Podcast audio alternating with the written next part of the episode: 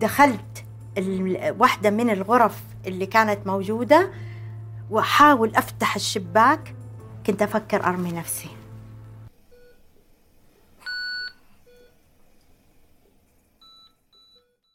تأتيكم هذه الحلقة برعاية بزنس هب.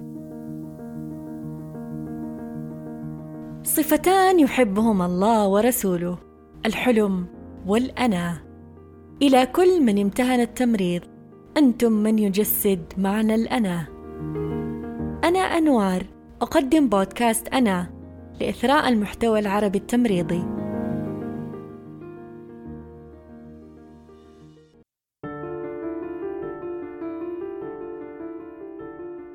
منذ أن وعيت أول أمر في الحياة وهي تدعو الله أن يجعلها مميزة وقدوة وذات نفع. نشأت في عائلة ممتلئة بالحب والعطف.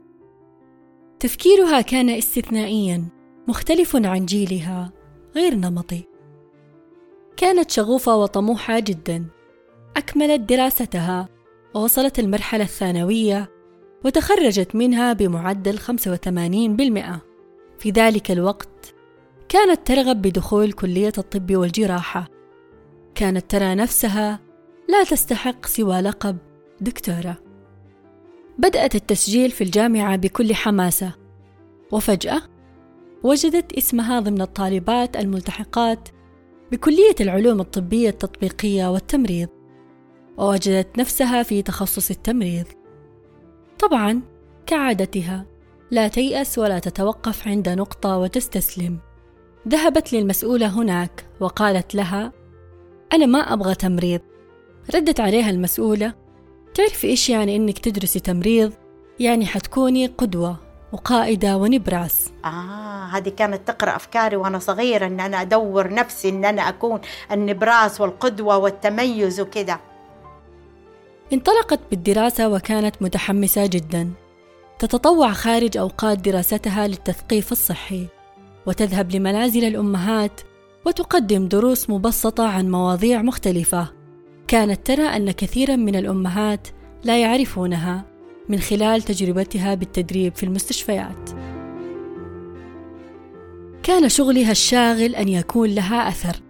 تخرجت وبدأت سنة التدريب أو ما يعرف اسمها بسنة الامتياز لكنها صعقت من الحرب الموجودة في المستشفيات على الممرضة السعودية من الممرضات أنفسهم. فقدت الثقة بنفسها. فقدت الإيمان بأن مهنة التمريض هي قدرها. شعرت بالندم بأنها أقل قدرا وقيمة من الجميع. انتهى بها المطاف وهي تبكي في الغرفة الخاصة بتبديل الملابس. دخلت عليها جاي وهي أخصائية علاج تنفسي في نفس الجناح. وسألتها هل أنت إنسانة انهزامية؟ هل أنت إنسانة ضعيفة وغير ناضجة؟ وكان صوتها مليء باليأس. حين قالت لا. وصارت جوي تردد عليها السؤال حتى ارتفع صوتها أكثر إلى أن عادت إليها طاقتها مجددا. كانت بحاجة إلى من يذكرها بقيمة نفسها وأن الكثيرين يحتاجون إليها الآن. نفضت غبار اليأس وعادت من جديد لعملها ونشاطها. مرت الأيام وتم قبولها في مستشفى الملك فيصل التخصصي بالرياض وكانت أول ممرضة سعودية في المستشفى آنذاك. كانت مثابرة جدا والحرب تزداد عليها يوما بعد يوم إلى أن أتى يوم تصنفه من أسوأ أيام عملها في المستشفى. فلما جاء أنا أعطيت المريض الإبرة الغلط. أيوة زي ما سمعتوا الممرضة المثابرة أعطت الدواء الغلط. صعقت في تلك اللحظة ولم تتوقف إلا على شباك إحدى الغرف محاولة الانتحار. بعد التحقيق تبين أنه تم تبديل الأدوية بين مريضين من قبل ممرضة أخرى وقد يكون بقصد أو بغير قصد لكن هذه الحادثة أثرت فيها بشكل كبير. وجعلت منها ممرضة أكثر حرصا على كل شيء مما زادها مكانة وقيمة في المستشفى. دكتور فهد عبد الجبار اتصل بي وقال أنا منتظرك في مقابلة.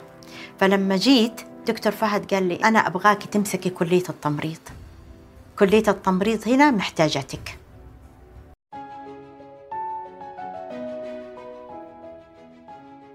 بعد هذا الاتصال أصبحت ركن من أركان كلية التمريض في جامعة الحرس في الرياض ثم بعد ذلك توسعت لتنشئ كلية التمريض في جدة انتهاء بالأحساء امتد شغفها لتشارك مع الدكتور الشهير عبد الله الربيعة في إحدى حالات فصل التوائم لتظهر دور التمريض السعودي للناس واجتهادهم وشغفهم الدائم نحو المهنة.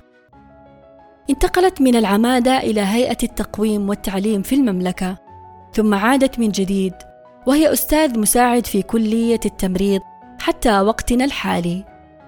واليوم هي ليست ممرضة فحسب، بل معلمة وقائدة وملهمة.